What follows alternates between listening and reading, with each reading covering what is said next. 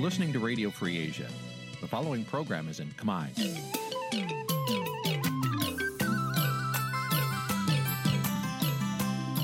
នេះជាកម្មវិធីផ្សាយ Vuthu Azizi Serai នេះជាកម្មវិធីផ្សាយរបស់ Vuthu Azizi Serai ជាភាសាខ្មែរ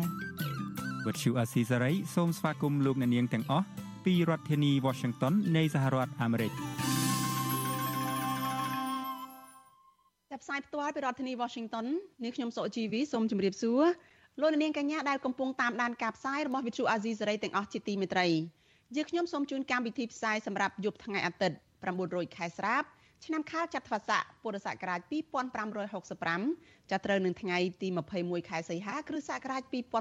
2022ជាដំបូងនេះសូមអញ្ជើញលោកអ្នកនាង ស្ដាប់ព័ត៌មានប្រចាំថ្ងៃដែលមានមេត្តាដូចតទៅ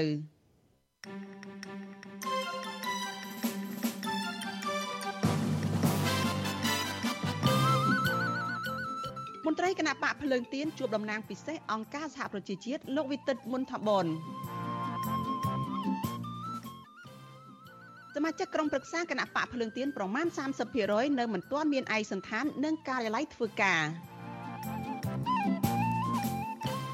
យុវជនចលនាមេដាធម្មជាតិគ្រងដាក់ញត្តិទៅរដ្ឋាភិបាលឲ្យដកហូតកោះកងក្រៅមកជាទ្រព្យសម្បត្តិរដ្ឋវិញ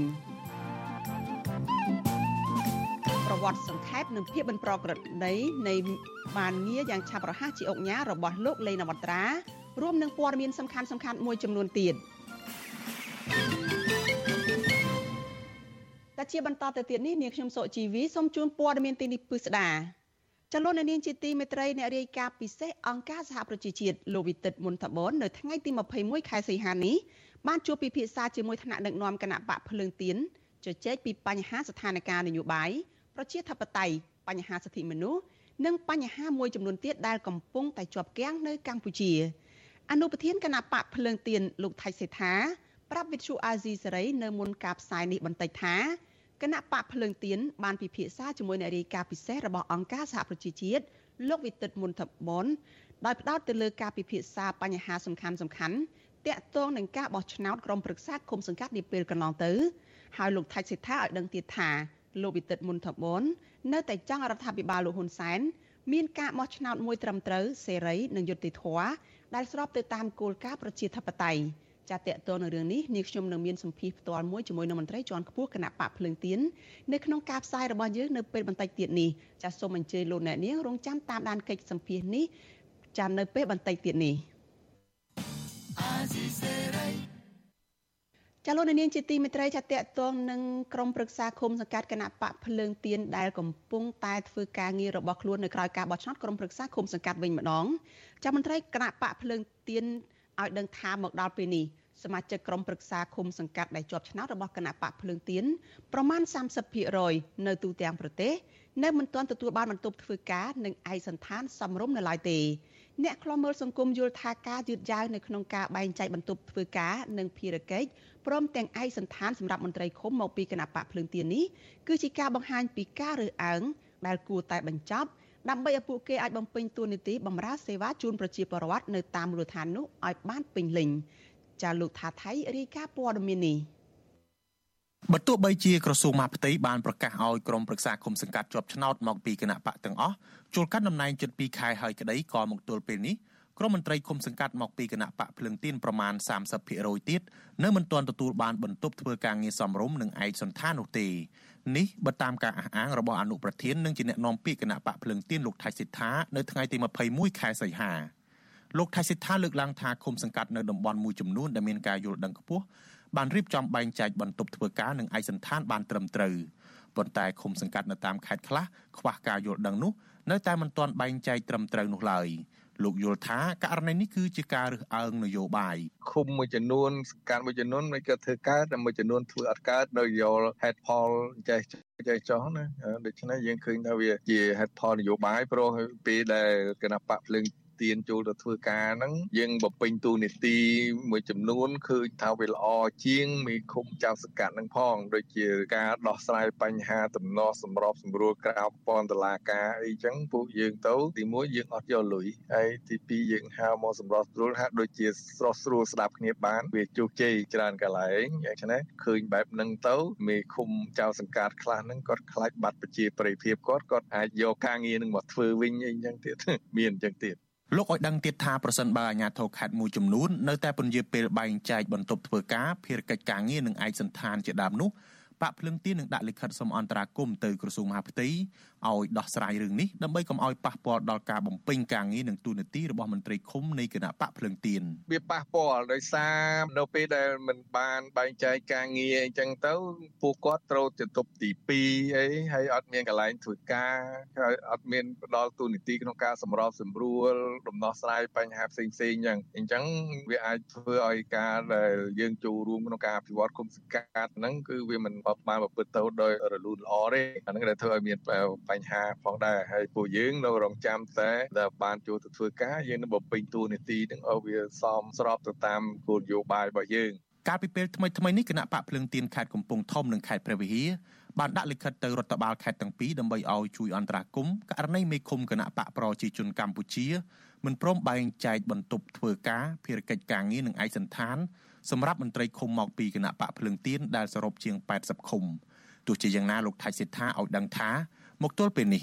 មានឃុំតិចតួចប៉ុណ្ណោះដែលបានដោះស្រាយតាមសំណើ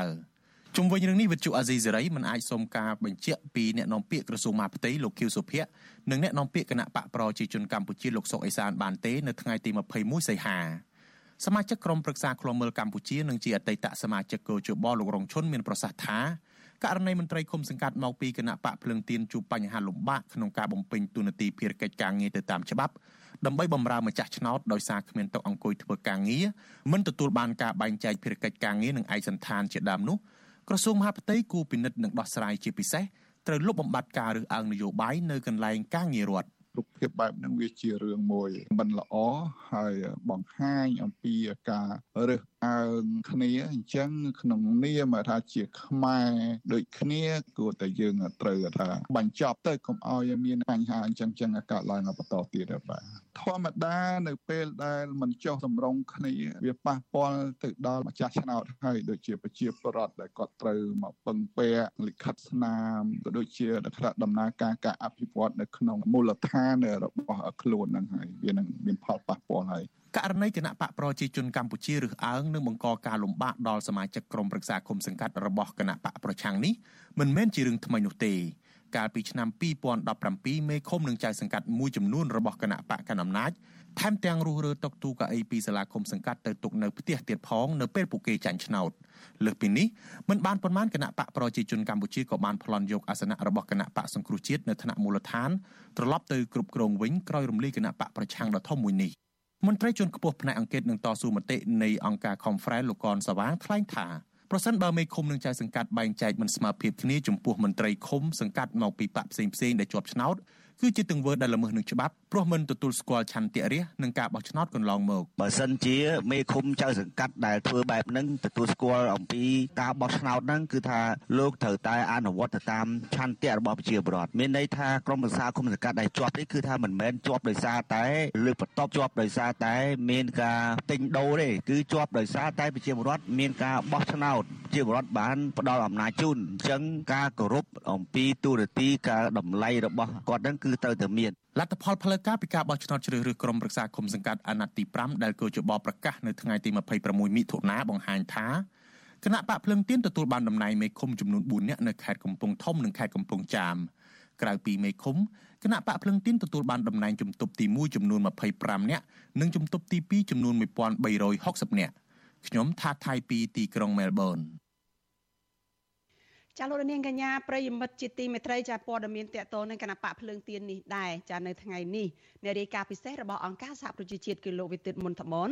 ចាបានជួបពិភាក្សាជាមួយថ្នាក់ដឹកនាំគណៈបកភ្លើងទៀនដោយជជែកពីបញ្ហាស្ថានភាពនយោបាយប្រជាធិបតេយ្យបញ្ហាសិទ្ធិមនុស្សនិងបញ្ហាមួយចំនួនទៀតដែលកំពុងជាប់គាំងនៅកម្ពុជាអនុប្រធានគណៈបកភ្លើងទៀនលោកថៃសេដ្ឋាប្រាប់វិទ្យុអាស៊ីសេរីនៅមុនការផ្សាយនេះបន្តិចថាគគណៈបកភ្លើងទៀន បានពិភាក្សាជាមួយអ្នករាយការណ៍ពិសេសរបស់អង្គការសហប្រជាជាតិចាត់តាក់ទងទៅនឹងបញ្ហាការបោះឆ្នោតក្រុមប្រឹក្សាគុំសង្កាត់ដែលបានបញ្ចប់ទៅនាពេលកន្លងទៅនេះហើយលោកថៃសិដ្ឋាក៏ឲ្យដឹងទៀតថាលោកវិទិតមុនធមុននៅតែចង់ឲ្យរដ្ឋាភិបាលលោកហ៊ុនសែនមានការបោះឆ្នោតមួយដែលត្រឹមត្រូវសេរីនិងយុត្តិធម៌ដែលស្របទៅតាមគោលការណ៍ប្រជាធិបតេយ្យ ចាតតតងនៅរឿងនេះចាក្រុមការងាររបស់វិទ្យុអាស៊ីសេរីចាបានតតងទៅអនុប្រធានគណៈបកភ្លើងទៀនចាគឺលោកថៃសិដ្ឋាចាដើម្បីឲ្យលោកបានចូលមកជជែកបន្ថែមតតងនឹងជំនួបរវាងមន្ត្រីគណៈបកភ្លើងទៀនជាមួយនៅអ្នករាយការណ៍ពិសេសរបស់អង្គការសហប្រជាជាតិនៅថ្ងៃនេះចាសូមជម្រាបសួរលោកថៃសិដ្ឋាពីចម្ងាយចាចាលោកថៃសិដ្ឋាលឺពីខាងនេះខ្ញុំទេចាបាទបាទបាទលឺយើង បញ្ហាបច្ចេកទេសតិចចានេះខ្ញុំលើពីខាងលោកថៃសិដ្ឋាហើយចាជំរាបសួរលោកថៃសិដ្ឋាចាបាទបាទបាទចាលោកថៃសិដ្ឋានៅក្នុងជំនួបហ្នឹងគឺខាងគណៈបករបស់លោកហ្នឹងបានលើកឡើងតាក់ទងទៅនឹងការបោះឆ្នោតហើយជាពិសេសហ្នឹងគឺតាក់ទងនឹងបញ្ហានយោបាយនៅកម្ពុជា និងស្ថានភាពនានារបស់គណៈបកភ្លើងទៀននឹងឯងតើលោកអាចបញ្ជាក់ឡើងវិញត្រួសត្រាសថាថាអ្វីខ្លះទៅជាចំណុចសំខាន់ ជាគោលចម្បងចម្បងដែលគណៈបករបស់លោកបានលើកឡើងជជែកជាពិភាក្សាជាមួយនៅអ្នករាយការណ៍ពិសេសរបស់អង្គការសហប្រជាជាតិចាគឺលោកវិទិតមុនតំបន់នៅថ្ងៃនេះនឹងចាចំណុចសំខាន់ដែលយើង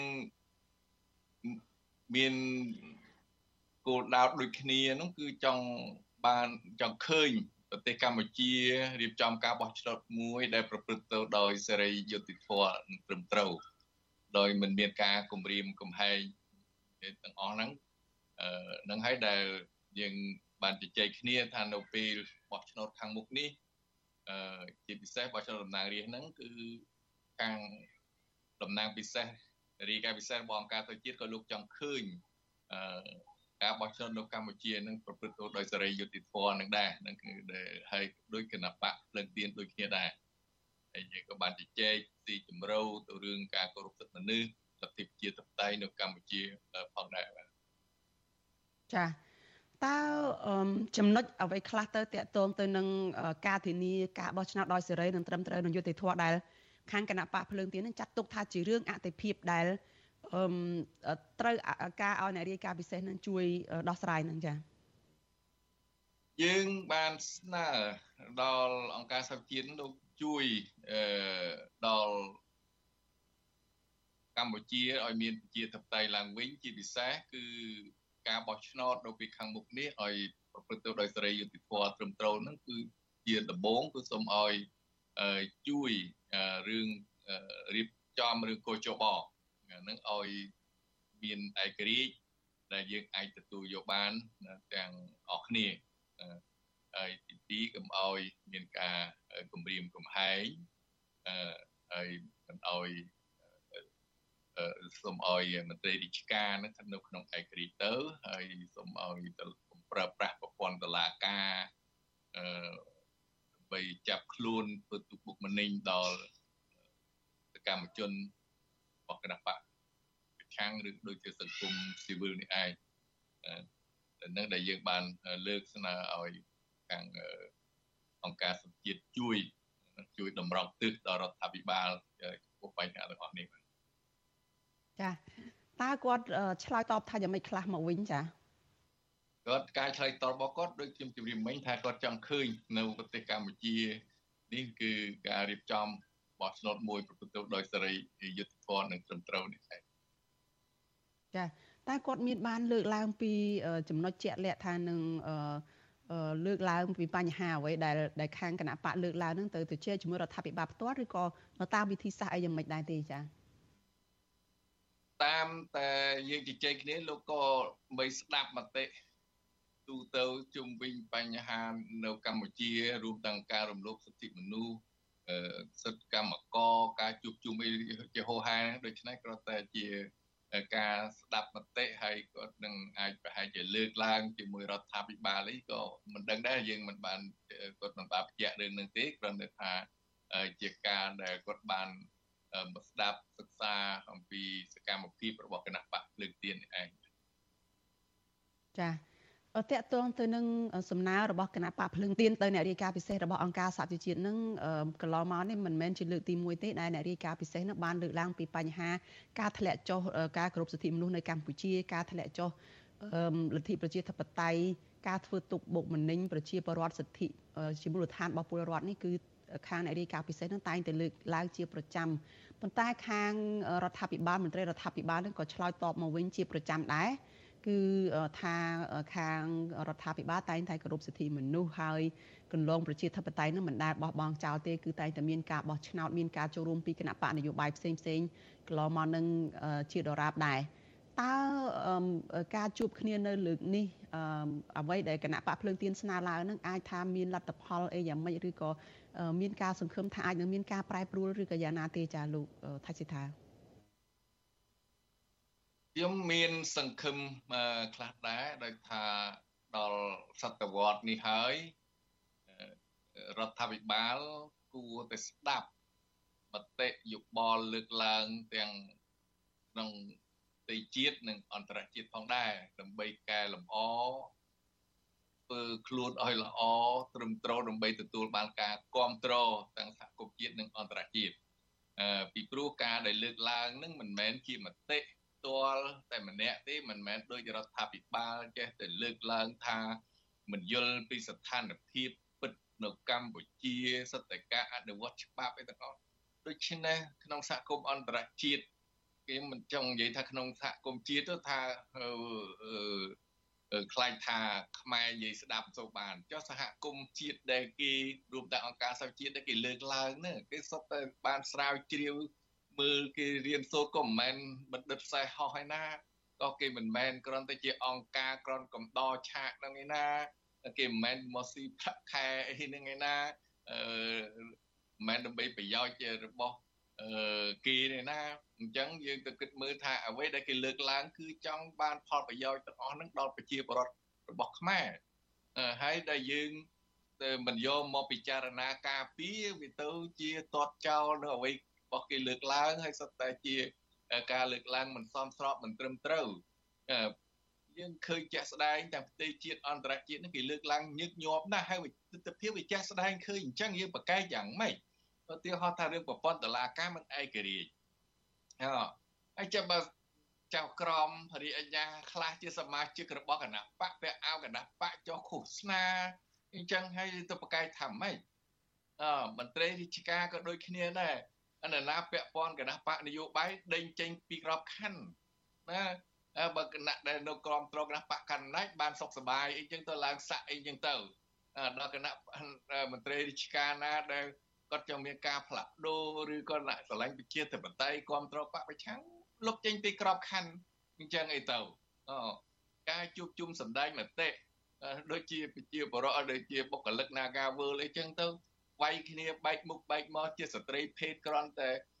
ប្រើប្រាស់សិទ្ធិរបស់ខ្លួនក្នុងការធ្វើកុតកម្មស្របតាមច្បាប់ផងមិនតកដោះស្រាយផងហើយដល់គេស្រែកទៅថាអនុវត្តច្បាប់មិនយល់ពីស្ថានភាពពិតស្ថានភាពពិតបើយើងធ្វើចាក់ បែបហ្នឹងគេមើលឃើញទាំងអស់គ្នាហើយយើងចេះតែបិទបាំងមិនចង់ឲ្យគេដឹងហើយយើងឃើញចេះស្ដែងកន្លងមកវាយរលអាពេលឥឡូវនេះពេលអីបណ្ដារីការពិសេសមកហ្នឹងឃើញ Naga ខាងបុគ្គលិក Naga World ហ្នឹងទៅឆោតតវ៉ាឲ្យបានអាហ្នឹងយើងឃើញចាក់ស្ដែងទៅហើយអាណាដើម្បីបន្លំផ្នែកគេអីចឹងប៉ុន្តែទោះបីយ៉ាងណាក៏ដោយគេការពិតវានៅតែការពិតទេចឹងមធ្យោបាយមានតែមួយទេ ដែលខ្ញុំសង្ឃឹមថាបើយើងគិតពីផលប្រយោជន៍ជាតិយើងគួរតែយកមតិរិះគន់ទាំងអស់នោះគេលើកឡើងទាំងអស់នោះមកកែតម្រូវទៅពីព្រោះបានផលប្រយោជន៍ដល់ជាតិរបស់ខ្លួនឯងទេហើយបើយើងមិនធ្វើតាមនៅបដិសេធនោះវាកាន់តែខិតឃើញបង្ហាញច្បាស់អំពីចរិតរបស់យើងមិនមែនជាអ្នកស្រឡាញ់ជាតិទេហើយដល់គេថារបបផ្ដាច់ការឯនោះខឹងក៏ខឹងអីគេហើយយើងឃើញហើយដោយសារតែទង្វើនឹងហើយបានគេតកទោសជុំវិញឈ្មោះ អាក្រក់ពីពេញពិភពលោកហ្នឹងរហូតដល់អីក៏ចំណាប់ចំបានចំណាប់ចំណាប់ថ្នាក់ហ្នឹងវាពុះធ្លាក់ខ្លាំងខ្លាំងមែនទែនហើយនេះយើងមិនដូចចេះគិតទាំងពុកក៏លួយក៏ខ្លាំងជាងគេមិនអនុវត្តច្បាប់ក៏ខ្លាំងជាងគេហើយយើងមានចេះខ្មាស់គេខ្លះទេនៅដែលគេលើកឡើងអញ្ចឹងហើយខ្ញុំសង្ឃឹមថាដល់ឆ្នាំនេះពេលនេះហើយនៅកម្ពុជាក៏ថ្នាក់បណ្ឌិតច្រើនណាស់រំអស់ទេ អុកញ៉ាបណ្ឌិតអីហ្នឹងនៅក្នុងរដ្ឋាភិបាលហ្នឹងអញ្ចឹងហើយបើថាបណ្ឌិតដែលចេះដឹងដែរគួរនិយល់បហប្រហែលអ្នកគេចេះដឹងដែរខ្ញុំជឿថាបើឃើញបហប្រហែលដូចគេយល់ដឹងដូចយើងដែរសូមឲ្យកែខ្លួនទៅកែតម្រូវនៅអ្វីដែលជាកំហុសឆ្គងនៅអ្វីដែលបានលើកឡើងទៅខ្ញុំថាជាប្រយោជន៍សំខាន់សម្រាប់ជាតិយើងហើយបាទចាអរគុណច្រើនលោកថៃសិដ្ឋាដែលបានផ្ដល់ការសម្ភាសនៅយុគនេះចាសូមជូនពរលោកសុខភាពល្អហើយជម្រាបលាលោកត្រឹមប៉ុណ្ណេះចាបាទ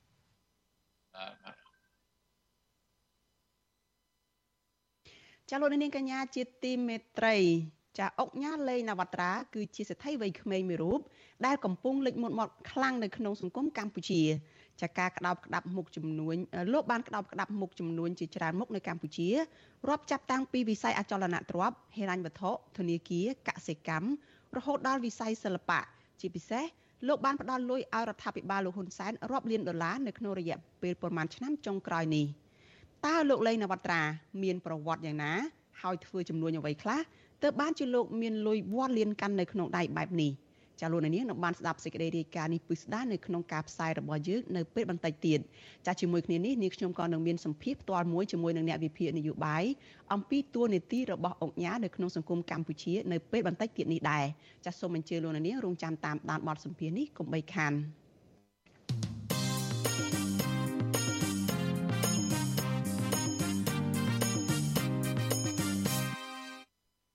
ចាលោកនាងកញ្ញាប្រិយមិត្តជាទីមេត្រីចាព័ត៌មានតកតងនឹងបរិស្ថាននិងធនធានធម្មជាតិវិញម្ដងចាសកម្មជនចលនាមេដាធម្មជាតិគ្រូនឹងដាក់ញត្តិទៅក្រសួងបរិស្ថាននៅថ្ងៃទី23ខែសីហាខាងមុខនេះដើម្បីស្នើសុំរដ្ឋាភិបាលដកហូតកោះកុងក្រៅមកដាក់ជាទ្រព្យសម្បត្តិរដ្ឋវិញមន្ត្រីសង្គមស៊ីវិលយល់ឃើញថាសកម្មភាពរបស់ក្រមយុវជនមេដាធម្មជាតិនេះគឺជាការបំពេញកាតព្វកិច្ចនៅក្នុងនាមជាពលរដ្ឋសកម្មដើម្បីជួយថែរក្សាធនធានធម្មជាតិនៅកម្ពុជាចាលោក ជីវិតារាយការណ៍អំពីរឿងនេះសកម្មជនចលនាមេដាធម្មជាតិកញ្ញាភួនកែវរស្មី ប្រាប់វិទ្យុអាស៊ីសេរីថា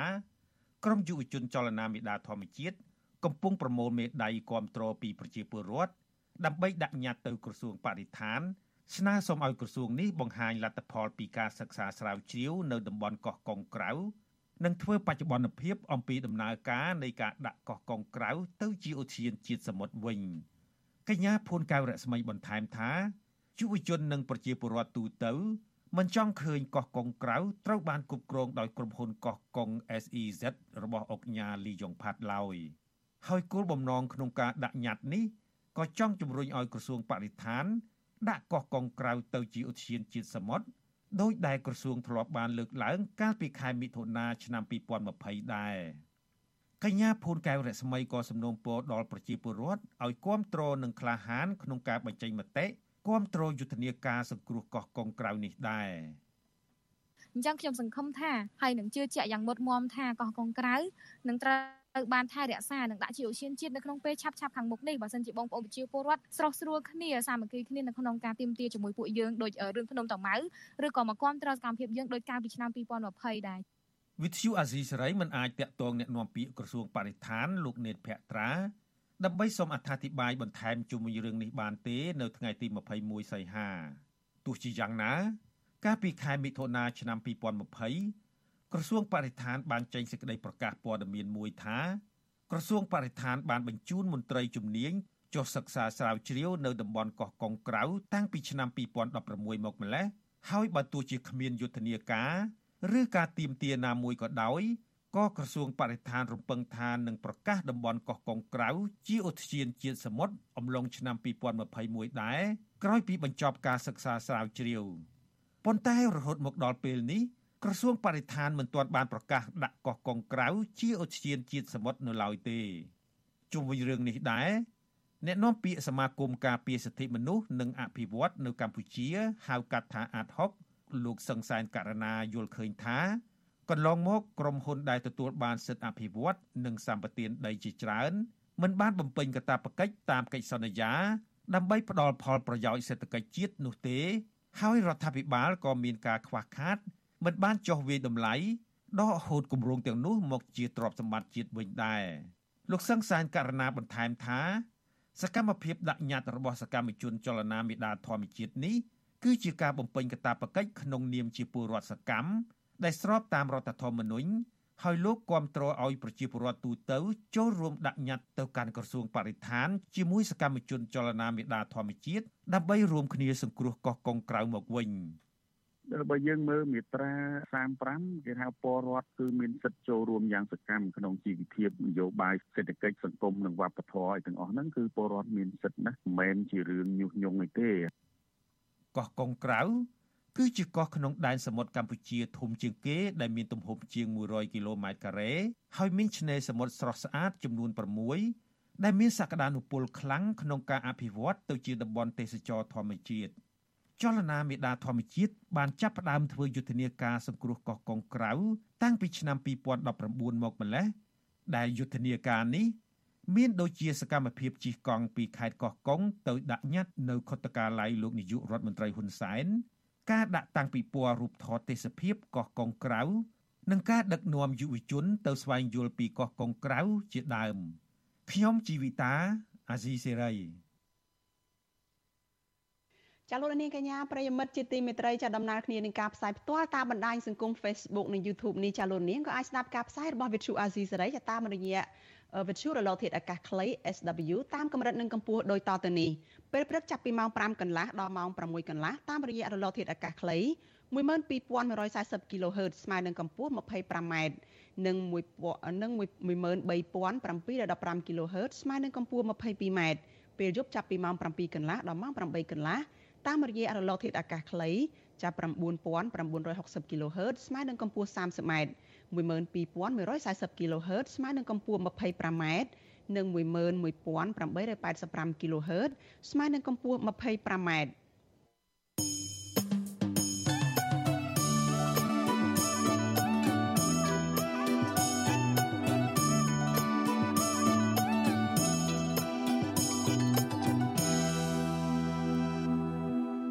កនាងកញ្ញាប្រិយមិត្តជាទីមេត្រីសេចក្តីរាយការណ៍ពីខេត្តបាត់ដំបងឯណោះឲ្យដឹងថាពលរដ្ឋម្នាក់ដែលមានដីស្រែនៅទំនប់អាងភៀសនៅស្រុកឯកភ្នំ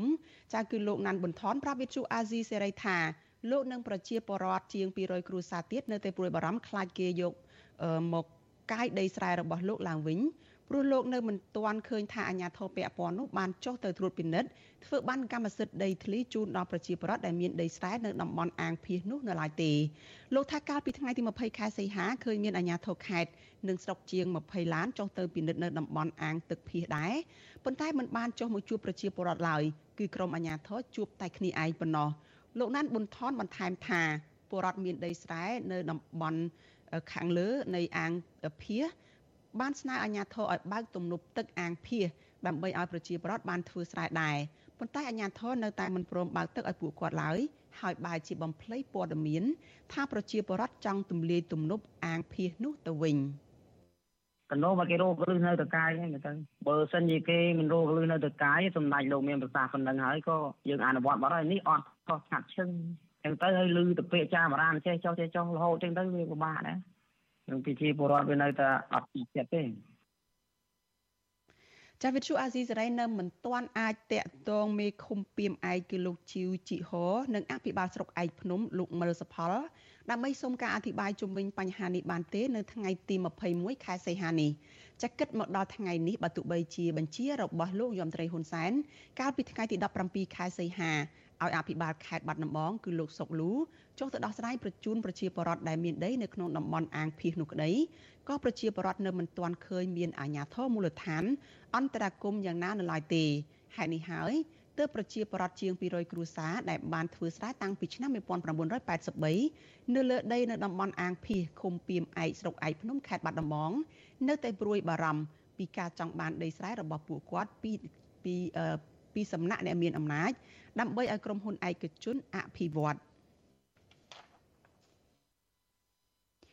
ចាលោកនាងកញ្ញាប្រិយមិត្តជាទីមេត្រីចាលោកអុកញ៉ាលេងនវត្រាគឺជាសេដ្ឋីវ័យក្មេងមួយរូបដែលកំពុងលេចមុខមាត់ខ្លាំងនៅក្នុងសង្គមកម្ពុជា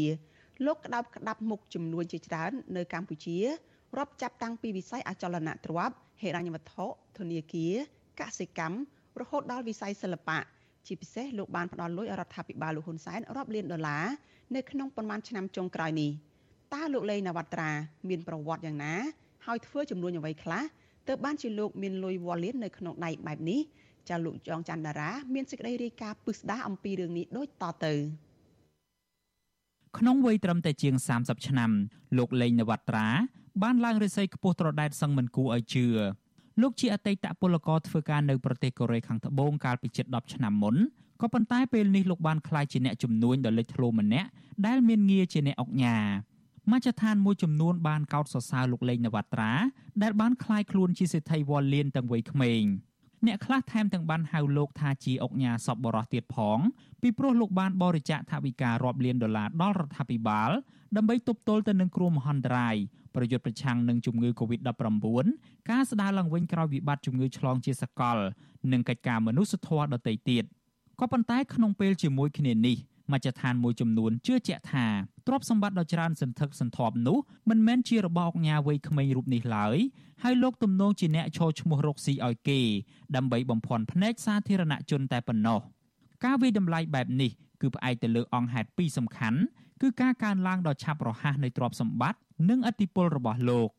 លោកលេងនវត្រាមានអាយុ34ឆ្នាំនិងមានឈ្មោះពិតថាលេងភក្ត្រាលោកមានស្រុកកំណើតនៅភូមិត្រពាំងសាឡាឃុំឈើកាច់ស្រុកបាភ្នំខេត្តព្រៃវែង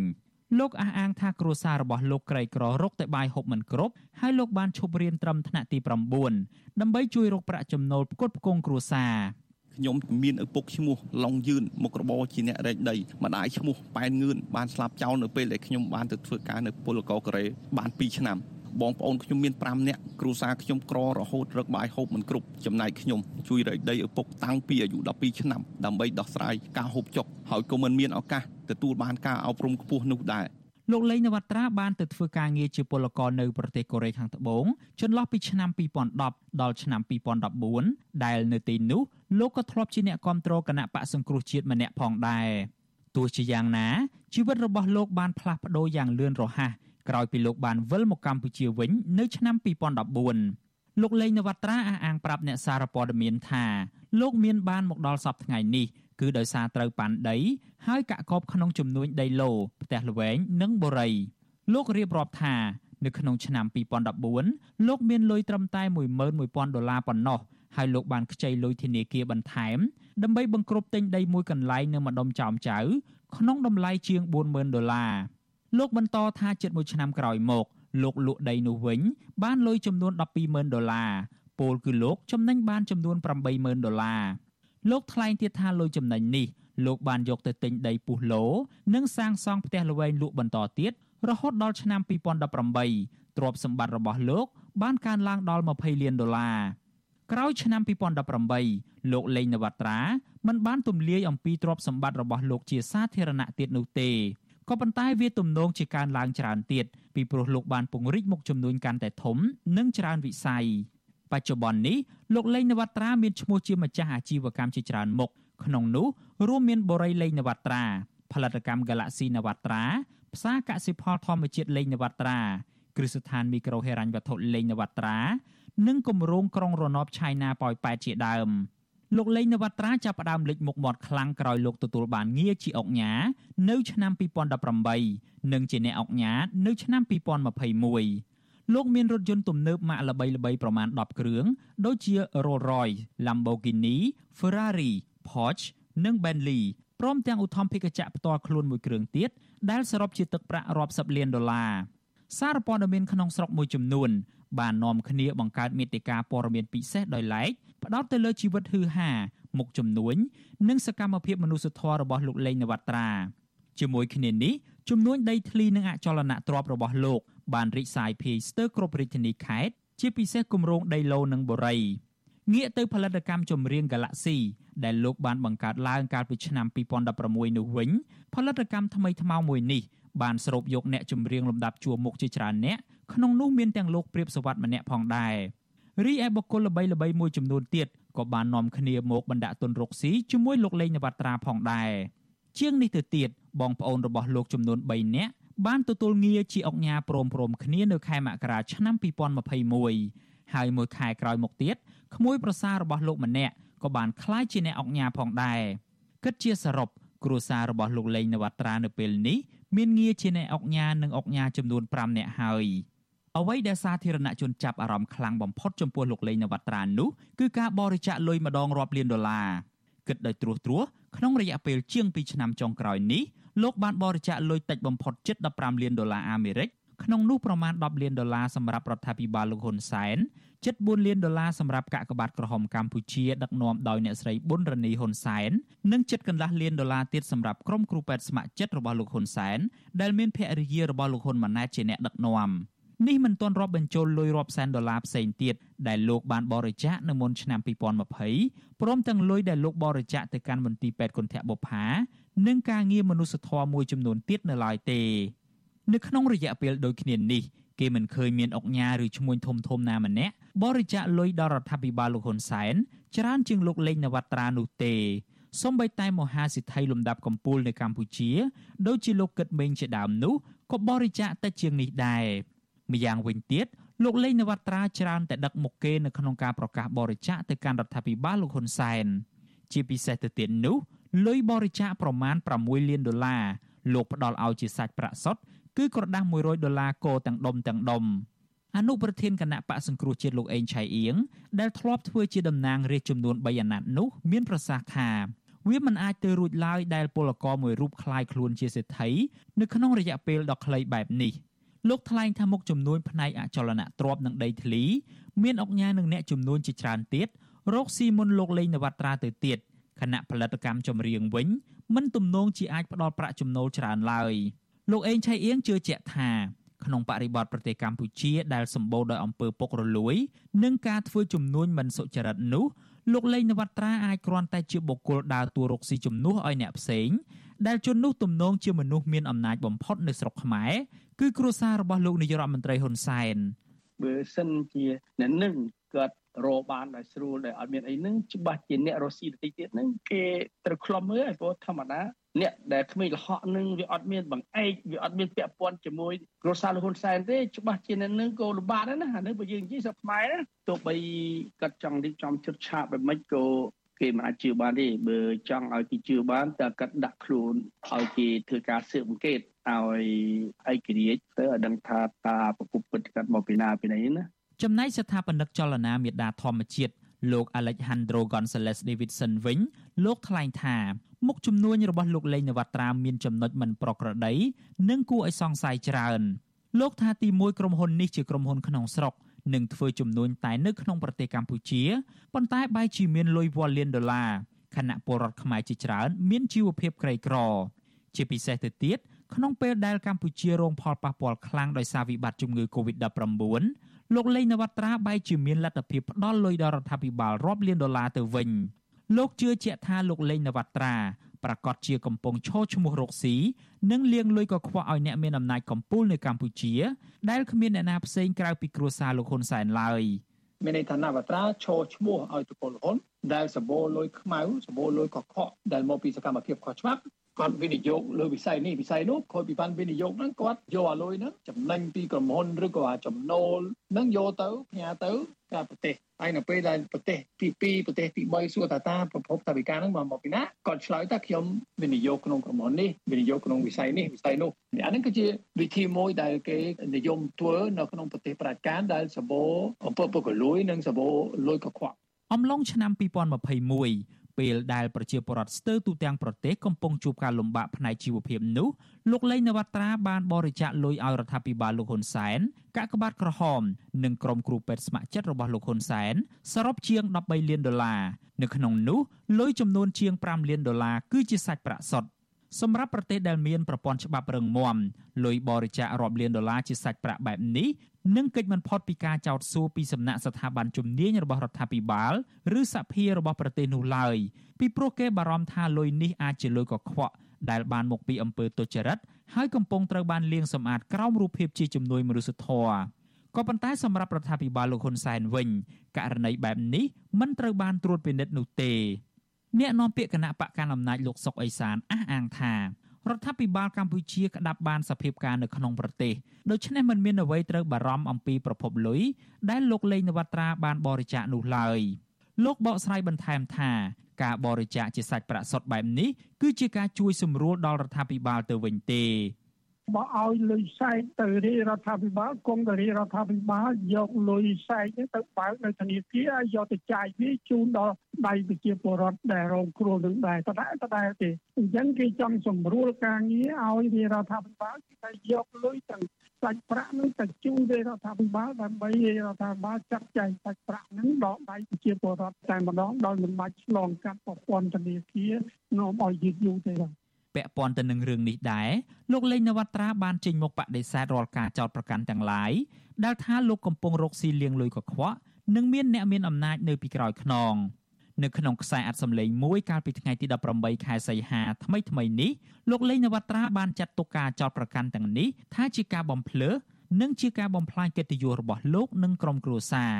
លោកថែមទាំងនិយាយនៅក្នុងន័យគម្រាមប្រើប្រាស់ផ្លូវច្បាប់ប្រឆាំងនឹងអ្នកទាំងឡាយណាដែលហ៊ានលើកឡើងអំពីបញ្ហាទាំងនេះនៅពេលខាងមុខទៀតផងខ្ញុំសូមបដិសេធ3ចំណុចនិងមិនបន្តឲ្យបងប្អូនចោទប្រកាន់ទៀតឡើយ1ចោទប្រកាន់ថាខ្ញុំកាប់ឈើលក់ប្រសិនបើស៊ើបអង្កេតសិក្សាឃើញថាខ្ញុំលក់ឈើ1មីលីម៉ែត្រខ្ញុំសុកចិត្តដើរចូលគុក2ចោទប្រកាន់ថាខ្ញុំលាងលុយកខ្វក់ជាការចោទប្រកាន់ ស្មើនឹងបទឧក្រិដ្ឋអន្តរជាតិដ៏អាក្រក់3ចោទប្រកាន់មានអ្នកនៅពីក្រោយចាប់ពីពេលនេះតទៅបងប្អូនដែលចោទប្រកាន់ដោយគ្មានមូលហេតុដោយគ្មានភ័ស្តុតាងធ្វើឲ្យប៉ះពាល់ដល់ក្រុមហ៊ុនធ្ងន់ធ្ងរនោះក្រុមហ៊ុនមិនអាចនៅស្ងៀមឡើយ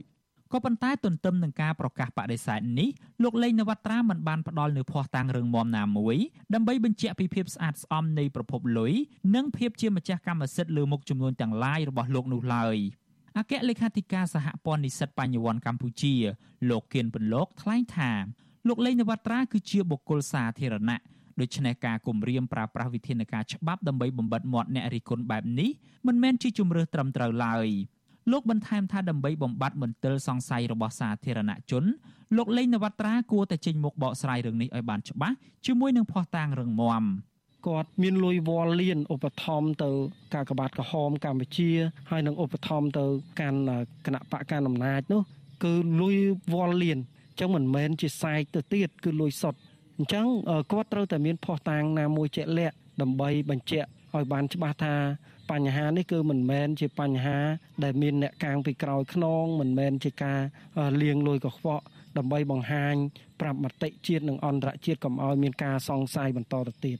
មន្ទិលសង្ស័យរបស់សាធារណជនមួយចំនួនដែលថាលោកលេងនវត្រាកំពុងឈរឈ្មោះធ្វើជំនួញឲ្យគ្រួសារត្រកូលហ៊ុននេះបាននាំឲ្យមានប្រតិកម្មដោយផ្ទាល់ពីសំណាក់កូនប្រុសច្បងរបស់លោកហ៊ុនសែនគឺលោកហ៊ុនម៉ាណែតអនាគតនាយករដ្ឋមន្ត្រីនៃគណៈបកប្រជាជនកម្ពុជារូបនេះបានចេញមុខបដិសេធថាលោកលេងនវត្រាមិនមែនជាអ្នកឈរឈ្មោះរកស៊ីឲ្យលោកឡើយក៏ប៉ុន្តែសិទ្ធិវ័យក្មេងរូបនេះជាសមាជិកក្រុមយុវជនរបស់លោកគេរកស៊ីចំណេញយើដៃធ្លី ពេលដែលមានក្រុមការងារយុវជនគេស្គាល់តាមក្រុមការងារយុវជនខ្ញុំមិនដឹងណាទេស្គាល់គ្នាបន្តទៅគេសុំចូលរួមជួយទៅហើយក្រោយមកគេបានងារអង្គញារឿងអីរបស់គាត់អាចលណាទ្របគេធ្វើទៅណារឿងរបស់គេហើយបើចោទថាគ្រាន់តែក្រុមយុវជនខ្ញុំនឹងលេងនវត្រាជាមនុស្សរបស់ខ្ញុំដែលគ្រាន់តែជាក្រុមការងារយុវជនរបស់ខ្ញុំមិនមានតែលេងនវត្រាមួយអុកញ៉ានៅក្នុងក្រុមការងារយុវជនរបស់ខ្ញុំអុកញ៉ាមកកកោអញ្ចឹងសិតតែគាត់រស់ស៊ីឲ្យខ្ញុំអញ្ចឹង ការបដិសេធរបស់លោកហ៊ុនម៉ាណែតនេះគឺសម្រាប់តែខ្លួនលោកប៉ុណ្ណោះដោយលោកមិនបាននិយាយតំណាងឲ្យសមាជិកគ្រួសារនិងសាច់ញាតិរបស់លោកដទៃទៀតឡើយគណៈរបាយការណ៍ស៊ើបអង្កេតកន្លងទៅរកឃើញថាគ្រួសារត្រកូលហ៊ុនកំពុងក្តោបក្តាប់មុខជំនួញរាប់មិនអស់នៅកម្ពុជារាប់ចាប់តាំងពីវិស័យឧស្សាហកម្មអចលនទ្រព្យកសិកម្មទេសចរតំបន់សេដ្ឋកិច្ចពិសេសធនាគារសារព័ត៌មាន និងវិស័យជាច្រើនទៀតអង្គការឃ្លាំមើលពិភពលោក Global Witness បានរកឃើញថាគ្រួសារត្រកូលហ៊ុនបានកាន់កាប់ដោយផ្ទាល់និងដោយផ្នែកក្នុងក្រុមហ៊ុនជាច្រើនដែលមានដើមទុនចុះបញ្ជីជាង200លានដុល្លារក៏ប៉ុន្តែនេះគ្រាន់តែជាតួលេខដែលគេបង្ហាញឲ្យឃើញនៅក្នុងការចុះបញ្ជីនៅក្រសួងពាណិជ្ជកម្មប៉ុណ្ណោះអង្គការអន្តរជាតិដដែលអះអាងថាគ្រួសារត្រកូលហ៊ុនមានភាគហ៊ុនច្រើនជាងនេះដែលមិនបានប្រកាសឲ្យដឹងក៏ប៉ុន្តែប្រើអ្នកឈោឈ្មោះคล้ายៗនិងជ្រកក្រោមផ្លាកក្រុមហ៊ុនផ្សេងទៀត ស្ថាបនិកចលនាមេដាធម្មជាតិលោកអាលិចជឿជាក់ថាលោកលេងនវត្រាគឺជាម្នាក់នៅក្នុងចំណោមអ្នកទាំងនោះក្នុងនាមជានាយករដ្ឋមន្ត្រីបើសិនជាកូនខ្លួនឯងក្តោបក្តាប់សេដ្ឋកិច្ចគ្រប់វិស័យដោយចំហ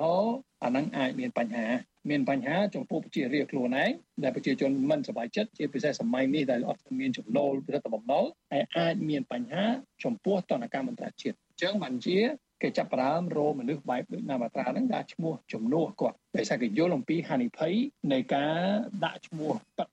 លោកលេងនវត្រាតែងតែបង្ហាញភាពជិតស្និទ្ធជាមួយក្រុមគ្រួសាររបស់លោកនាយករដ្ឋមន្ត្រីហ៊ុនសែនលោកធ្លាប់លុតជង្គង់ថ្វាយបង្គំលោកហ៊ុនសែននិងភរិយាហើយហោមលោកហ៊ុនសែនចោះចែកអំណោយដល់ប្រជាពលរដ្ឋចុះធ្វើការងារសង្គមជាមួយកូនកូនលោកហ៊ុនសែនព្រមទាំងប្រកាសគាំទ្រឥតងាយអេរ៉េចំពោះការដឹកនាំរបស់លោកហ៊ុនសែនទៀតផង រីឯលោកហ៊ុនសែនវិញលោកធ្លាប់បានលើកសរសើរលោកលេងនវត្រាជាសាធារណៈជាច្រើនដង ស្របពេលមង្គលការប្អូនស្រីរបស់លោកលេងនវត្រាក៏មានវត្តមានរបស់លោកហ៊ុនម៉ាណែតនិងមន្ត្រីក្រាក់ក្រាក់មួយចំនួនទៀតចូលរួមជាភ្ញៀវកិត្តិយសផងដែរទំនងជាដោយសារភាពជិតស្និទ្ធជាមួយគ្រួសារលោកហ៊ុនសែននេះហើយទើបបានជាលោកលេងនវត្រាទទួលបាននូវការគោរពនិងសម្របសម្រួលពីមន្ត្រីរដ្ឋាភិបាលកងកម្លាំងប្រដាប់អាវុធ និងអាជ្ញាធរមូលដ្ឋាន នៅពេលដែលលោកចោះធ្វើសកម្មភាពអ្វីមួយ ទាំងការធ្វើជំនួយនឹងកិច្ចការមនុស្សធម៌ជាងនេះទៅទៀតកាលពីឆ្នាំ2021លោកហ៊ុនសែនបានកាត់ដីគម្របព្រៃឈើចំនួន172ហិកតា នៅស្រុកបន្ទាយស្រីខេត្តសៀមរាបដើម្បីផ្ដល់ជាកម្មសិទ្ធិទៅឲ្យលោកលេងនវត្រាក្រោយមកទៀតលោកហ៊ុនសែនបានសម្រេចកាត់ជ្រៀលដីមួយចំណែកធំ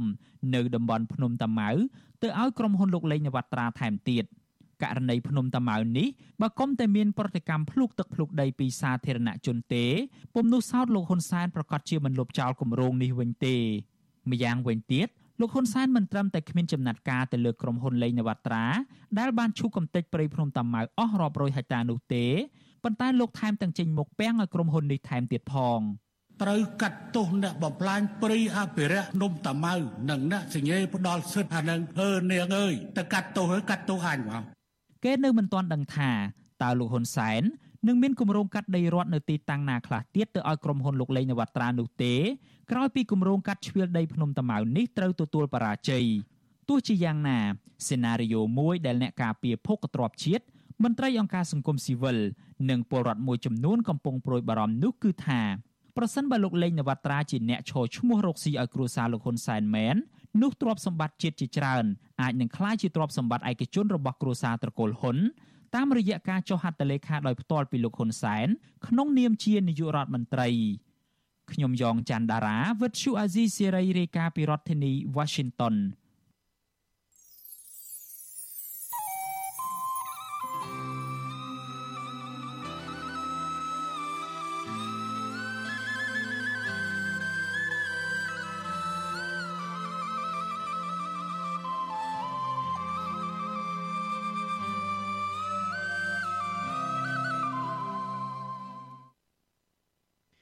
ចាលោកនាងកញ្ញាប្រិយមិត្តជាទីមេត្រីចាតតតនៅរឿងនេះចានេះខ្ញុំនឹងមានសម្ភារផ្ទាល់មួយជាមួយនឹងអ្នកវិភាគនយោបាយចាលើគឺលោកបណ្ឌិតសុណារ៉ូចាដែលលោកនឹងចូលមកជជែកបន្ថែមពីបទពិសោធន៍និងទូនីតិរបស់អង្គញានៅក្នុងសង្គមខ្មែរនាពេលកន្លងមកនេះចាសូមជម្រាបសួរលោកបណ្ឌិតសុណារ៉ូពីចម្ងាយចាសូមតោះបាទសូមជម្រាបសួរចាចាអរគុណច្រើនលោកបណ្ឌិតចា លោកមនិតអឺតកតងនឹងរឿងអង្គញាហើយនឹងការដែលអង្គញាខ្លះដូចសេចក្តីរាយការណ៍របស់លោកយ៉ងច័ន្ទរាមុននេះអញ្ចឹងគឺយើងបានមានព័ត៌មានជាច្រើនតកតនៅលោកលេនអមត្រាដែលលោកអាចមានទ្រព្យសម្បត្តិរាប់លាននៅក្នុងដៃនៅក្នុងរយៈពេលខ្លីហើយក៏មានអធិបុលដែរមុខរបររស់ស៊ីរបស់គាត់នឹងគឺមានអធិបុលណាស់រហូតដល់គាត់អាច នៅស្និទ្ធជាមួយនឹងលោកហ៊ុនម៉ាណែតឬក៏លោកញោមតៃហ៊ុនសែនហ្នឹងគឺប្រគល់ដីតំបន់ភ្នំតាម៉ៅនិងតំបន់ផ្សេងៗឲ្យឲ្យអភិវឌ្ឍថែមទៀតផងហើយក៏ចេញមុខការពារនៅក្រៅពេលដែលមានបញ្ហាតាក់ទងទៅនឹងមតិសាធារណជនប្រតិកម្មទៅនឹងការអភិវឌ្ឍរបស់ក្រុមហ៊ុនលេងនវត្រានេះ ងាកមករឿងទូទៅវិញជាបទពិសោធន៍របស់លោកបណ្ឌិតដែលលោកបណ្ឌិតធ្លាប់ធ្វើជាទីប្រឹក្សាធ្លាប់ជាជំនួយការរបស់លោកយមត្រីហ៊ុនសែនហ្នឹងថាតើមានកន្លងមកហ្នឹងធ្លាប់មានទេអង្គញាដែលឈរឈ្មោះឲ្យអ្នកកាន់អំណាចនឹងជាពិសេសគឺគ្រូសាតកោហ៊ុននឹងតើធ្លាប់មានរឿងរ៉ាវកើតឡើងថាមានជាអង្គញាដែលឈរឈ្មោះជាអ្នកដែលនៅពាំងជំនួសចេញមុខជំនួសតែការពុតទ្រព្យសម្បត្តិនឹងគឺជាទ្រព្យសម្បត្តិរបស់ត្រកូលហ៊ុនអីចឹងទៅនោះចា៎ បាទអរគុណណាស់ជាបឋមសូមជម្រាបសួរប្រិមិត្តវិទ្យុអាស៊ីសេរីជម្រាបសួរអ្នកស្រីសុជីវីអឺយើងបានដឹងហើយគឺហ៊ុនសែនគាត់មានក្បាលម៉ាស៊ីននយោបាយធំណាអាមេរិកធំត្រូវការប្រព័ន្ធហេរញ្ញវត្ថុដ៏ធំដើម្បីទ្រទ្រង់បានលុយកាក់ច្រើនមែនទែនចូលរាប់លានរាប់លានដុល្លារជារៀងរាល់ថ្ងៃរាល់ខែអញ្ចឹងបាទអញ្ចឹងអឺដែលគាត់ប្រើពាក្យថាសិល្បៈ នៃការចែករំលែកបានន័យថាចែករំលែកបានមានន័យថាចែកគ្នាឆ្នៃគេឈ្នះឈ្នះឈ្នះគាត់ក៏បានលុយអុកញ៉ាក៏បានលុយអញ្ចឹងក៏ប៉ុន្តែយើងដឹងហើយគឺអ្នកដែលចាញ់គឺប្រជាពលរដ្ឋនិងធនធានធម្មជាតិស្រុកខ្មែរនឹងខ្ទេចខ្ទីអស់ហើយអញ្ចឹងអឺរឿងលេងណាវត្រានេះខ្ញុំសូមបញ្ជាក់ថា ចំនួនដែលខ្ញុំធ្វើការក៏អត់តមានឈ្មោះហើយគាត់នៅកូនក្មេងនៅនៅទីរួបឡើយគាត់ថាបានដែរគាត់ទៅធំធាត់ចឹងខ្ញុំអត់ដឹងប្រវត្តិពិតប្រាកដទេក៏ប៉ុន្តែយើងត្រូវតែដឹងប្រព័ន្ធអុកញ៉ារបស់លោកហ៊ុនសែនវាមាន2អញ្ចឹងយើងចំណាត់ថ្នាក់មើលតាលេងណាវត្រានៅក្នុងចំណាត់ថ្នាក់ណាមួយគឺអុកញ៉ាដែលមានច្រើនណាស់រាប់រយរាប់ពាន់ហើយអុកញ៉ាខ្លះរកស៊ីត្រឹមត្រូវអុកខ្លះខ្លះរកស៊ី ពាក់កណ្ដាលត្រឹមត្រូវអុកខ្លះខ្លះគឺលោតឆាត់ហ្មងគឺអុកញ៉ាខលខូចតែម្ដងបាទអញ្ចឹងហើយគ្រាន់តែយើងចែកជាពីរប្រភេទទី1ជុំវិញលោកហ៊ុនសែនគេហៅថាមានអុកញ៉ាប្រចាំតកូល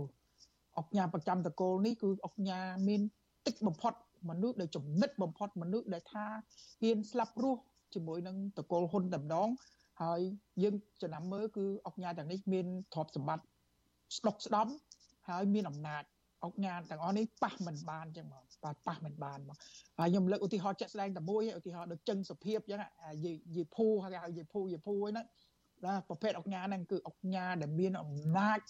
គ្មានអ្នកណាប៉ះបានទោះរិះគន់ទោះអីមិនក៏ដោយសារព័ត៌មានថាមិនក៏ដោយក៏មិនអាចក្លាប់ចាក់អីបានទេគឺថាគឺជាអុកញ៉ាប្រចាំតកូលម្ដងបាទគឺអ្នកដែលមានលុយមានកាក់ដើម្បីជួយទៅដល់តកូលហ៊ុនយ៉ាងជាក់ស្ដែងម្ដងអាហ្នឹងប្រភេទទី1បាទ ប្រភេទទី2គេហៅថាអុកញ៉ាអញជួយឯងឯងជួយអញបាទគឺអុកញ៉ាដែលអឺច្រើនមែនទែនរាប់រយរាប់ពាន់ក៏ថាបានដែរណាបានន័យថាភាសាមួយទៀតហៅថាអុកញ៉ាឈ្នះឈ្នះហ្នឹងគឺអញជួយឯងឯងជួយអញមានន័យថាអុកញ៉ាទាំងអស់ហ្នឹងប្រភេទដូចលេងណាវត្រាអញ្ចឹងគឺហ៊ុនសែនត្រូវការលុយពេលណាប៉ុន្តែភាគច្រើនជាលុយសម្រាប់ធ្វើកិច្ចការនយោបាយណាឧទាហរណ៍ដូចត្រូវការលុយជួយកូវីដ ត្រូវការលុយសាងសង់សាលារៀនត្រូវការលុយធ្វើផ្លូវត្រូវការលុយនេះនោះគឺថាអុកញ៉ាទាំងអស់នឹងហ៊ានចាយលុយក្តៅកគុកមកបាទចេញមកផាច់ផាច់ផាច់ផាច់លុយច្រើនណាស់ធ្លាក់មកក្រាក់ក្រាក់មកដើម្បីត្រួតត្រងភ្លាមហើយអ្នកទាំងអស់ហ្នឹងត្រូវបានគេកត់ក្នុងបញ្ជីបញ្ជីថាអ្នកជួយអញ្ចឹងហ៊ុនសែនគាត់ក៏មនុស្ស fair ដែរយអត់ណាគាត់មិនមែនតែតែយកលុយហ្នឹងដើម្បី ធ្វើកិច្ចការរបស់គាត់ដើម្បីចំណេញប្រជាប្រិយភាពនយោបាយគាត់ទេគឺគាត់រកវិធីដើម្បីឲ្យអុកញ៉ាទាំងអស់ហ្នឹងបានលុយមកវិញហើយពួកហ្នឹងច្បាស់ជាបានច្រើនជាងហ្នឹងហើយជួយមួយលានសង្ឃឹមមកវិញបាន3 4លានក៏ប៉ុន្តែមិនមែនមានន័យថាគាត់ទៅយកលុយយកទៅឲ្យអុកញ៉ាទាំងអស់ហ្នឹងទេមែនទេគឺអុកញ៉ាហ្នឹងម្ចាស់ការក្នុងការរកកម្រងខ្លួនឯងឧទាហរណ៍ដូចលេងបានមកត្រាគេធ្វើកម្រងរឿង ភ្នំតាម៉ៅអីចឹងគេធ្វើកម្រងហើយគេដាក់កម្រងហើយគេគូសប្លង់គូសអីវាអីគេថាគេនឹងទុកសួនកន្លែងនេះកន្លែងនោះដើម្បីអភិរក្សក៏មិនដែរជុំវិញហ្នឹងគេធ្វើបូរីឬក៏ស្អីស្អីហ្នឹងខ្ញុំក៏អត់ដឹងលម្អិតដែរតែដាក់កម្រងទៅសំរុំយកទៅឲ្យលោកហ៊ុនសែនគាត់កាឡៃហ៊ុនសែនហើយហ៊ុនសែនមើលដល់ហ៊ុនសែនឃើញថាម្នាក់ហ្នឹងជួយលុយច្រើនហើយឥឡូវគេសុំកម្រងហើយឃើញកម្រងហ្នឹងក៏ទំនងទៅទៅរួចគាត់សញ្ញេខ្វោតែសញ្ញេខ្វោពួកហ្នឹងដឹងបានលុយហ៎ពីព្រោះ អាយើងដឹងស្រាប់ហើយដីធ្លីនៅស្រុកខ្មែរជាពិសេសនៅជិតភ្នំពេញនៅឬក៏ក្នុងភ្នំពេញបឹងតាម៉ៅបឹងតាម៉ោកបឹងតាម៉ាំងបឹងតាតាមុកអីហ្នឹងគឺថាសិតតែដីរាប់លានដុល្លារគ្រាន់តែហ៊ុនសែនសញ្ញេឲ្យតែ20ហិកតា10ហិកតា5ហិកតាឬក៏30ហិកតាហ្នឹងសិតតែលុយរាប់សិបលានដុល្លារហើយចឹងគ្រាន់តែបានអានឹងហើយភ្លាមយកទៅចាក់ដីចាក់អីបែងកម្រងគ្រាន់តែបែងដីលោលក់ហ្នឹង គឺបានលុយចូលមកវិញយ៉ាងច្រើនក្រាស់ក្រែលហ្នឹងអញ្ចឹងហើយប្រភេទអុកញ៉ានេះហៅថាអញជួយឯងឯងជួយអញមិនន័យថាមិនចិត្តស្និទ្ធមួយហ៊ុនសែនពេកទេក៏ប៉ុន្តែអ្នកណាហ៊ានហក់លោតជាងគេអ្នកហ្នឹងក៏បានមកវិញច្រើនជាងគេខ្ញុំជឿថាលេងណាមវត្រាក្នុងចង្កោមនេះគឺចង្កោមដែលហ៊ុនលេងណាមវត្រាហ៊ានស៊ីហ៊ានសងមានន័យថាយកលុយតាប្របានដាក់វិនិយោគទៅលើហ៊ុនសែនហ្មងគឺថាបោះទៅម៉ាំងម៉ាំងហ៊ុនសែនត្រឡប់មកវិញក៏ម៉ាំងម៉ាំងមកវិញដែរដើម្បីឲ្យឲ្យវាតន់ចិត្តបាទគាត់ហ៊ានអញ្ចឹងហើយ បើសិនជាលេងណាវត្រា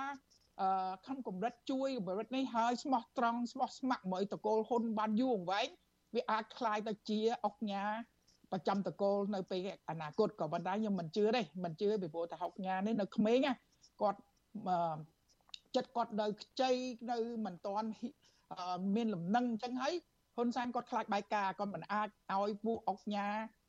ក្មេងខ្ចីទាំងអស់ហ្នឹងចូលទៅក្នុងអុកញ៉ាប្រចាំតកូលទេអុកចាំតាមតកូលគឺជាអុកញ៉ាដែលចាស់ទុំនឹងណូទោះបីជាកលៈទេសៈណាក៏មិនបែកការមិនបែកអីអាហ្នឹងមិនអុកញ៉ាទាំងអស់ហ្នឹងបានហៅថាអុកញ៉ាប្រចាំតកូលចំណែកពួកអុកញ៉ានេះហើយដែលលុតហក់ខ្លាំងអញ្ចឹងគឺភាកច្រើននៅក្នុងប្រភេទនៃអុកញ៉ាអញជួយឯងឯងជួយអញគាត់ថាគាត់លោតខ្លាំងក៏គាត់បានច្រើនក៏ប៉ុន្តែយើងឃើញតែថាលោតច្រើន ជួនកាលវាបាក់ជើងក៏អាចខ្លះបានដែរបាទចាចំពោះអតិពលវិញតើក្រមអង្គញាដែលលោកមនិតបានលើកឡើងនឹងថាថាជួយនៅក្នុងការពង្រឹងអំណាចឬក៏ជួយយ៉ាងណាខ្លះដែរទេនៅពេលដែលគណៈបព្វជិជនកម្ពុជានៅពេលនេះចាត្រៀមបេក្ខជនសម្រាប់ការបោះឆ្នោតសម្រាប់ធ្វើជានាយករដ្ឋមន្ត្រីតតំណែងពីលោកនាយករដ្ឋមន្ត្រីហ៊ុនសែនគឺលោកហ៊ុនម៉ាណែតនឹងវាជាការពិតណាស់ដោយខ្ញុំបានជម្រាបចឹងគឺគាត់ ប្រព័ន្ធនយោបាយរបស់ហ៊ុនសែនគឺត្រូវការលុយច្រើនណាស់ចឹងហើយអុកញ៉ាទាំងអស់ហ្នឹងមិនត្រឹមតែជួយដល់ហ៊ុនសែនផ្ទាល់ទេ ជួយដល់គណៈបកប្រជាជនឬក៏ជួយពង្រឹងមូលដ្ឋានបានន័យថាឧទាហរណ៍ថាចុះមើលលដ្ឋានជួយសាងសង់សាលារៀនអីគេក៏កត់ចូលក្នុង បញ្ជីគេហៅថាជួយទៅដល់គេហៅថាគណៈបកប្រជាជនឬក៏ដល់ក្រមលោកហ៊ុនសែនហើយយើងដឹងស្រាប់ហើយអ្នកណាមានអំណាចជាងគេពួកអុកញ៉ាចូលចិត្តជួយទៅដល់អ្នកហ្នឹងអញ្ចឹងហើយបច្ចុប្បន្ននេះលោកហ៊ុនម៉ាណែតគាត់កំពុងតែមានរិស័យកំពុងតែឡើងកោត អនាគតអាចជានាយករដ្ឋមន្ត្រីគឺចង់ចង់ពួកអុកញ៉ាទាំងអស់ហ្នឹងគេរកផ្លូវដើម្បីឈានទៅរកអំណាចហើយពីព្រោះលុយរបស់ពួកគេគឺលុយបានមកដោយអំណាចបានមកដោយអំណាចបើអត់មានអំណាចបង្អែកទាំងអស់ហ្នឹងទេពួកគេមិនអាចរកលុយបានលឿនដល់ថ្នាក់ហ្នឹងហើយយើងឃើញហើយដូចគាត់និយាយចាក់ស្ដែងហ្នឹង2014គាត់តែមានលុយ10000 20000ក្រោយមកឡើង120,000ស្រាប់តែឡើង2018ក៏មាន20លានពី100000ឡើង20លានហក់មិនក៏ហក់100ដែរប្រហែលជាមាន ប្រហែលជាមានអាកំបាំងច្រើនណាក៏ប៉ុន្តែគាត់ប្រហែលជាក៏មនុស្សមិនមែនជាមនុស្សអន់ដែរមនុស្សប្រកែក្នុងការបែងកលាបែងកលាមានន័យថាដីដែលដីដែលគេមិនហ៊ានហក់លោតគាត់ហ៊ានហក់លោតឧទាហរណ៍ដីបំភូមិតម្ៅសិតតែដីដែលក្តៅឃើញគាត់ហ៊ានហក់ប៉ុន្តែបើគាត់ហក់ឈ្នះគាត់បានច្រើនហ្មងក៏ប៉ុន្តែលើកនេះគាត់ហក់ដូចជាចង់ចង់ចង់ហៅថាអកសើបើភាសាលេងបាល់អកសើត្រូវគេផាក់ពីណីហ៎អញ្ចឹងណាអញ្ចឹងហើយខ្ញុំជឿថា មានអង្គការច្រើនទៀតដែលជាចូលរួមចំណែកក្នុងការជួយនៃប្រព័ន្ធហិរញ្ញវត្ថុទៅដល់តកូលហ៊ុនក៏ថាបានដល់គណៈបកប្រជាជនកម្ពុជាក៏ថាបានរួចហើយគេបានមកវិញនៅការកម្រងវិនិយោគដែលវាវាកប់ក្តោងទៅតាមនឹងក៏ប៉ុន្តែវាស៊ីសងលើអុកញ៉ានឹងឆ្លាតវៃឬក៏ហ៊ានមិនហ៊ានទៀតហៅថាហក់លោតខ្លាំងឬមិនខ្លាំងទៀតអុកញ៉ាខ្លះមិនហ៊ានហក់លោតទៅលើកម្រងឬក៏ លើការវិនិយោគណា ដែលវាក្តៅក្រហាយដែលវាខ្លាំងក្លាក៏ប៉ុន្តែអុកញ៉ាខ្លះគឺគាត់យកកម្រងហើយពេលហ្នឹងឧទាហរណ៍ក្នុងតំបន់ហ្នឹងមានប្រជាពលរដ្ឋមានអីគាត់ឈូសឆាយយកដីគេយកម្ដងអាមិនន័យថាគាត់អាងអំណាចអំណាចនៃការគេគេអនុញ្ញាតឲ្យគាត់មានកម្រងហ្នឹងគាត់យកទៅបន្តដើម្បីប្លន់ដីអីនៅក្នុងតំបន់ដែលគាត់មានសិទ្ធិអភិវឌ្ឍហ្នឹងដែលដែលគេគេឲ្យហ្នឹងហើយយើងឃើញអឺ កន្លងមកខ្ញុំក៏ធ្លាប់ជួបអឺករណីអុកញ៉ាមួយអុកញ៉ាធំអុកញ៉ាធំហ្នឹងហើយគាត់និយាយក៏ប៉ុន្តែខ្ញុំខ្ជិលចង់និយាយឈ្មោះគាត់គាត់និយាយថាគម្រោងមួយដើម្បីចេញបានវាត្រូវឆ្លង4កន្លែងធំហ្នឹងហើយ4កន្លែងធំទី1គឺកុតកាល័យរបស់នាយករដ្ឋមន្ត្រីហ៊ុនសែនកុតកាល័យនេះ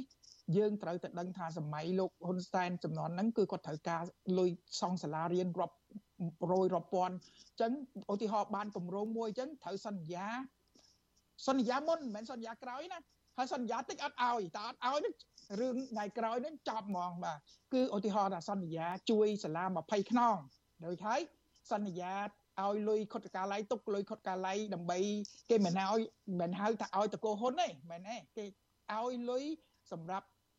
ខុតកាល័យធ្វើកិច្ចការការងារនយោបាយហើយការងារអីមិនគេមិនដឹងទេ ឧបមា2សែន3សែនចុះចុះ3ចំណុចទៀតនោះចា3 3ចំណុចទៀតនោះលោកមនិតចាដោយសារតែយើងអស់ពេលទៅហើយចាសូមជួយសង្ខេបទីស្តីការទីស្តីការគណៈរដ្ឋមន្ត្រីគឺរបស់សុកអាននឹងហើយគឺកន្លែងចេញសចូលណនឹងហើយគឺកន្លែងនោះស៊ីលុយសាហាវហើយសុកអានមានលុយខ្លាំងណាស់ក៏ដោយសារតែរឿងវិនិយោគទាំងអស់ហ្នឹងទី3ទៀតគឺប្រភពគឺក្រសួងហិរញ្ញវត្ថុត្រូវតែបើអត់មានចេញលុយបើអត់ជួយជួយខាងហិរញ្ញវត្ថុហ្នឹងទេគឺលុយក៏អត់ធ្លាក់មកដែរហើយទី4បើសម្រាប់ អ្នកវិនិយោគបរទេសគឺត្រូវឆ្លង CDC CDC មួយទៀតក៏ត្រូវតែបង់លុយឲ្យ CDC ច្រើនអញ្ចឹង4ប្រភពនេះបើមិនបង់លុយទេគោះបីជាអ្នកឯងមានអំណាចប៉ុណ្ណាក៏ដោយក៏ចេញមិនរួចដែរធ្វើមិនកើតដែរអញ្ចឹងហើយខ្ញុំឃើញថានេះគឺជាប្រព័ន្ធហិរញ្ញវត្ថុដែលគេចិញ្ចឹម